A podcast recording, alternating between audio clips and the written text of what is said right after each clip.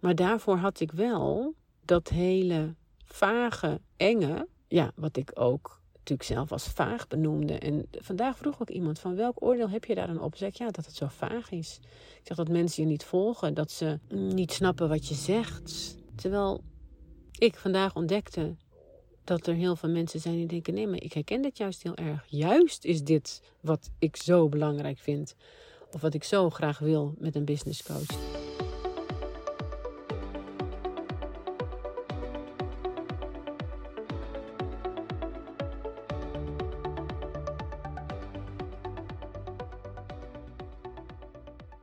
Wat vertel jij nog niet? Wat je wel zou kunnen vertellen, waardoor je juist die klanten aan gaat trekken die jij wil. Waardoor je juist datgene gaat doen in je bedrijf waar het echt om gaat. En waardoor je datgene doet waar je echt heel blij van wordt. Ik uh, had vandaag een lijfdag bij Anne Kwaars. Zij is business coach, visionair, heel creatief en daagt je uit om onbeschaamd jezelf te zijn. ik weet niet eens wat het zelf zo zegt, maar zo ervaar ik dat wel. En het was een lijfdag met, uh, nou, ik denk 15 mensen, ondernemers. We zijn onderdeel van een traject van haar. En deze live sessies waren ingedeeld, waardoor je met een groep ondernemers zit die, nou ja, met wie je goed kan levelen. Dit was een ervaren groep Waardoor je ook heel snel de diepte in ging. En nou, er werd uh, natuurlijk allemaal hele toffe oefeningen, gesprekken, masterminden met elkaar. En op het laatst, aan het eind van de dag, eigenlijk ging het daar de hele tijd al over, mocht je een speech geven. En je was daarbij tien jaar verder. En je had iets gewonnen. En dit was je bedankspeech. En we kregen even de tijd om die speech te schrijven. En dan daarna mocht je die voordragen of niet, wat je wilde. En het mooie daarvan was, of is, dat je dus uh, terug kan kijken naar wat je gedaan hebt, terwijl het in werkelijkheid in de toekomst ligt. En als ik keek naar mijn eigen, of als ik mijn, toen ik mijn eigen verhaal, ja, het was echt zo grappig, want ik ging dus helemaal verhaal bedenken en helemaal opschrijven, helemaal volgens een soort, soort structuur. Nou, toen was het denk ik één minuut voordat de tijd om was. En toen dacht ik, nee, ik ga dit helemaal niet vertellen zo op deze manier. Het laatste wat ik had opgeschreven waren een paar steekwoorden. helemaal niet een heel verhaal. En de kern van waar, het, waar nu eigenlijk al bij mij een shift zit, maar wat er in deze, ja, in het thema van deze dag, wat de verandering had gebracht in waarom ik dan volgens die visualisatie, zeg maar, die award had gewonnen, was omdat ik iets had gedaan wat ik daarvoor nog niet in die mate deed. En in die speech, toen dacht dus dat kwam er naar boven van ja, daar, daar mag dit misschien over gaan. Mijn verhaal, het is heel cryptisch wat ik nu zeg, heel vaag, dat realiseer ik me. En de kern zat erin dat de manier waarop ik mijn klanten help en wil helpen, gaat over volledig zijn wie je bent in je business. Helemaal doen wat jij wilt. Zoeken naar de energie die jij in. Nou, naar jouw energie, zodat, je, zodat jij die in kan zetten.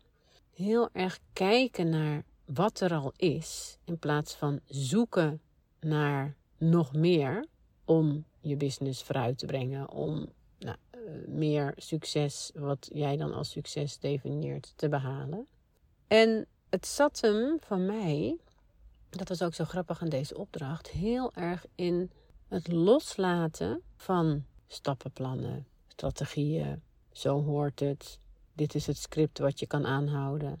Maar te gaan vertellen wat ik veel meer mag laten zien. En dan in die speech had laten zien, want toen waren we dus al, hadden we een sprong in de tijd gemaakt. En dat was in mijn geval hetgene wat je, waar, ja, waar je altijd al zo goed in was, maar wat je eigenlijk niet meer doet, omdat er ook een hele ja, soort angst op zit om te laten zien. Dat is natuurlijk dan vaak het angst voor het oordeel. Wat je toeschrijft aan anderen. Terwijl je dat natuurlijk, als, als jij dat oordeel niet hebt, dan doet dat je niks. Dus ergens heb je dat oordeel zelf ook. En nou, toen mochten we de speech, toen, waren we daar, was we klaar, een speech geschreven. Toen mochten we mensen een speech geven. En er waren hele goede speeches bij. Echt, nou, eigenlijk allemaal niet bij. Ze waren allemaal echt supergoed. Echt heel indrukwekkend. Mensen zo goed kunnen speechen. Want je ziet zoveel en vaak overal mensen die echt ingewikkeld vinden. Die het moeilijk vinden om voor een groep te staan. Die, uh, weet je, het is echt een kwaliteit om je publiek te grijpen. Uh, dus ik vond het echt spannend, want dan dacht ik, ja, als ik nu ga, dan heb ik, ja, jeetje, ze zijn allemaal heel goed. En ik had dus niks voorbereid, want ik had iets geschreven wat ik niet ging gebruiken. En toen was het tijd, dus ik had niks. Dus op een gegeven moment was de vraag, wie wil nu? Toen zei ik, ja, ik wil wel, want ik heb niks. Je hebt niks? Ik zeg, nee, ik zeg, ik heb niks. Maar dit is het experiment en ik ga het graag aan. En het ging juist over wat ik veel meer te doen heb vanaf vandaag. Nog meer te doen heb vanaf vandaag. En dus veel meer gedaan had in die visualisatie van en over tien jaar win je een award. En toen ging ik doen wat ik dus te doen heb. En dat is zonder voorbereiding, volledig vanuit intuïtie zijn, er zijn, je verhaal doen, in te tunen, af te stemmen op het moment en dan het laten komen. Dus toen heb ik daar een speech gegeven en ik vertelde over het uh, moment dat ik vijf jaar was, waar eigenlijk datgene zo duidelijk was wat ik nu meer te doen had, of waar ik vanaf nu nog veel meer in mag stappen. Maar wat ook hetgene was wat ik heel lang dus juist niet deed, totdat ik me realiseerde dat daar voor mij de doorbraak zou liggen. En toen vertelde ik het verhaal dat ik vijf jaar was. Denk ik, nee, ik denk ja, vijf wel. Ik weet nog in welk huis het was en ik ben op mijn vierde verhuisd. Dus misschien dat ik het daarvoor ook had, maar dat ben ik me niet meer bewust van. Dat ik gewoon heel veel. Ik hoorde vaak dingen.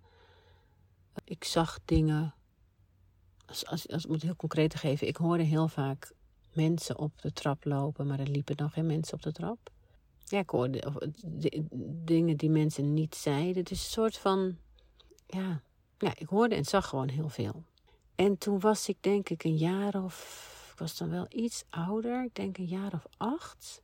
En ik vond dat ook best vermoeiend. Dat je zoveel um, hoort en ziet. Want de rest zag, hoorde en zag dat niet. Dus toen, en ik was ook ergens, was ik ook een rationeel persoon, zoals we dat natuurlijk ook allemaal zijn. En dacht ik, nou, ik ga dit eens eventjes anders aanpakken. En toen lag ik in mijn bed. Het was helemaal donker. Ik was alleen. Ik lag daar ook al een tijdje. Weet je, zoals dat dan gaat, dat je dan naar bed moet, maar nog niet moe bent. En toen dacht ik, ik wil nu eigenlijk gewoon. Eh, bedenk ik dit nou? Wat ik al. Ja, ja, ik wist ergens wel dat dat niet zo was, maar ik hoopte dat dat wel zo was. Want dan kon ik er gewoon vanaf zijn. Of zo. En toen heb ik hardop gezegd: Oké, datgene wat ik voel, hoor, zie, wat er niet is, volgens mijn rationele hoofd. Zo benoemde ik toen natuurlijk niet, hè, want toen was ik acht. Maar die, dat was wel wat ik voelde. Als er, als dat klopt, als er meer is, dan moet er nu iets gebeuren. Dan wil ik gewoon een concreter bewijs want anders is het zo vermoeiend om dit maar de hele tijd mee te maken. En dan misschien kan ik het wel in de la stoppen van dit bedenk je lekker zelf. En dan stopt het misschien wel. En ik had die vraag gesteld. En toen viel er iets op de grond. En ik schrok me helemaal dood. Echt. Mijn hart zat in mijn keel. Ik vond dat heel eng. En toen heb ik mezelf de belofte gedaan: dit gaan we niet meer doen. En toen heb ik die luiken, soort van noem ik het maar, dicht gedaan. Want ik denk, ik wil het niet meer horen, ik wil het niet meer zien, ik vind het allemaal eigenlijk hartstikke eng. er is zoveel om me heen. Ik wil, ik wil er niks mee te maken hebben. Ik, ik sluit het hoofdstuk. Doei, we doen dit niet meer. En toen ben ik meer vanuit mijn hoofd gaan leven, omdat dat veel veiliger voelde. En achteraf realiseer ik me dat er echt nog wat dingen gebeurd zijn. Ja, dat ik er bewust niks mee deed. Het is een tijd geweest dat je ook. Ehm, ja, dat het dan heel stoer was. Ik vond dat doodeng. Dat mensen, weet ik, voor glaasje gingen draaien. Dat ik weer, weet je wel, een glaasje draaien of iets met zo van die letters, zo'n scrabble-spel. Nou, dat heb ik nooit gedaan. Dat ik alles voelde dat, dat als ik dat openzet, vond ik zo eng. Maar er zijn wel wat, nog daarna wat dingen gebeurd. Die wel een beetje wonderlijk waren. Maar omdat ik daar niet meer voor open stond, negeerde ik dat een beetje. Ik was natuurlijk ook wat ouder, dus je kon dat makkelijker regisseren, zeg maar. Nou, dus ik ging uh, gewoon leven en uh, werken. Natuurlijk schoolvaken, studie, werken. Ik werd uh, marketeer. Ging voor mezelf beginnen. Marketingcoach. Heel erg. Ja, ik hield de reden waarom ik marketingcoach was omdat er een psychologie achter zit. Een soort beïnvloedingspsychologie die ik mega interessant vind en vond. En ook juist dat ondefinieerbare van hoe kan het dat als je een bepaalde boodschap op een juiste manier brengt, dat je iemand echt kan raken. Wat is dat? Waarom zijn sommige bedrijven en merken daar super goed in? En waarom slaan anderen net de plank mis? En ik voelde altijd dat verschil in, in die energie van zo'n bedrijf, merk, persoon. En ik wilde dat rationaliseren, zodat je dat aan anderen kon leren. Dus ik zat heel erg in mijn hoofd. Um, dit had allemaal modellen. En ik vond het fantastisch. Maar ik voelde ook ergens dat de essentie van waar het echt over gaat bij mij, dat die er nog niet in zat. En super lastig om daarachter te komen. Want je bent dan echt aan het zoeken. Je bent aan het zoeken, je bent dingen aan het toevoegen, je bent aan het zoeken, zoeken, zoeken. Naar nieuwe dingen, naar, ja, je grijpt dan echt zo om je heen. Terwijl het al die tijd al voor je lag. Alleen je hebt het genegeerd of juist je voor afgesloten. En dat was dit bij mij. En terwijl ik de slimme, strategische, rationele, snelle, ook technische eh, marketingcoach was, ook als ik met grotere bedrijven werkte, dus daar trajecten met depositioneringstrajecten volgens een bepaald programma, of noem je dat, model. Uiteindelijk kreeg ik terug dat ik dat dat hele model helemaal niet hetgene was, waar ik dan heel trots op was, maar was helemaal niet hetgene wat nou zo uh, krachtig was aan de samenwerking volgens mijn klanten. De reden waarom ik de beslissing heb genomen om dat weer veel meer te gaan doen wat ik te doen heb, is omdat de klanten me aangaven dat daar mijn onderscheidend vermogen lag. Dat was niet in, oh, ze is zo strategisch slim. En ehm, wel het doorvertalen naar praktische dingen, dat was wel iets wat ze heel fijn vonden. Maar de werkelijke kracht zat in, jij kan zo, dat we dan zeiden, jij kan zo snel tot de kern komen. Hoe kan jij al die informatie, het juiste eruit pikken en en het scherp maken. En dat had niks met die modellen te maken. Dat had te maken met het afstemmen en met dat ik voelde gewoon wat er speelde. En die woorden kwamen door bij mij. Dus het gebeurde al automatisch. Alleen ik ging dat nooit benoemen. Totdat mijn klanten het gingen benoemen. En totdat ik wist van ja, maar hier zit wel echt een essentieel onderdeel van wat ik echt belangrijk vind. Namelijk echt voelen en zien en doen waar het over gaat. Klanten helpen met echt tot hun essentie te komen. Want daar zit het geluk van je business. Daar zit de groei van jezelf. Daar volgt uiteindelijk, omdat het de waarheid is, omdat dat de essentie is, omdat dat klopt, authentiek is. Daar volgt je following uit. Daar komt uiteindelijk je omzet door. Maar daarvoor had ik wel dat hele vage enge, ja, wat ik ook natuurlijk zelf als vaag benoemde. En vandaag vroeg ook iemand van welk oordeel heb je daar dan op? Zeg ja, dat het zo vaag is. Ik zeg dat mensen je niet volgen, dat ze niet snappen wat je zegt. Terwijl ik vandaag ontdekte dat er heel veel mensen zijn die denken: nee, maar ik herken dit juist heel erg. Juist is dit wat ik zo belangrijk vind.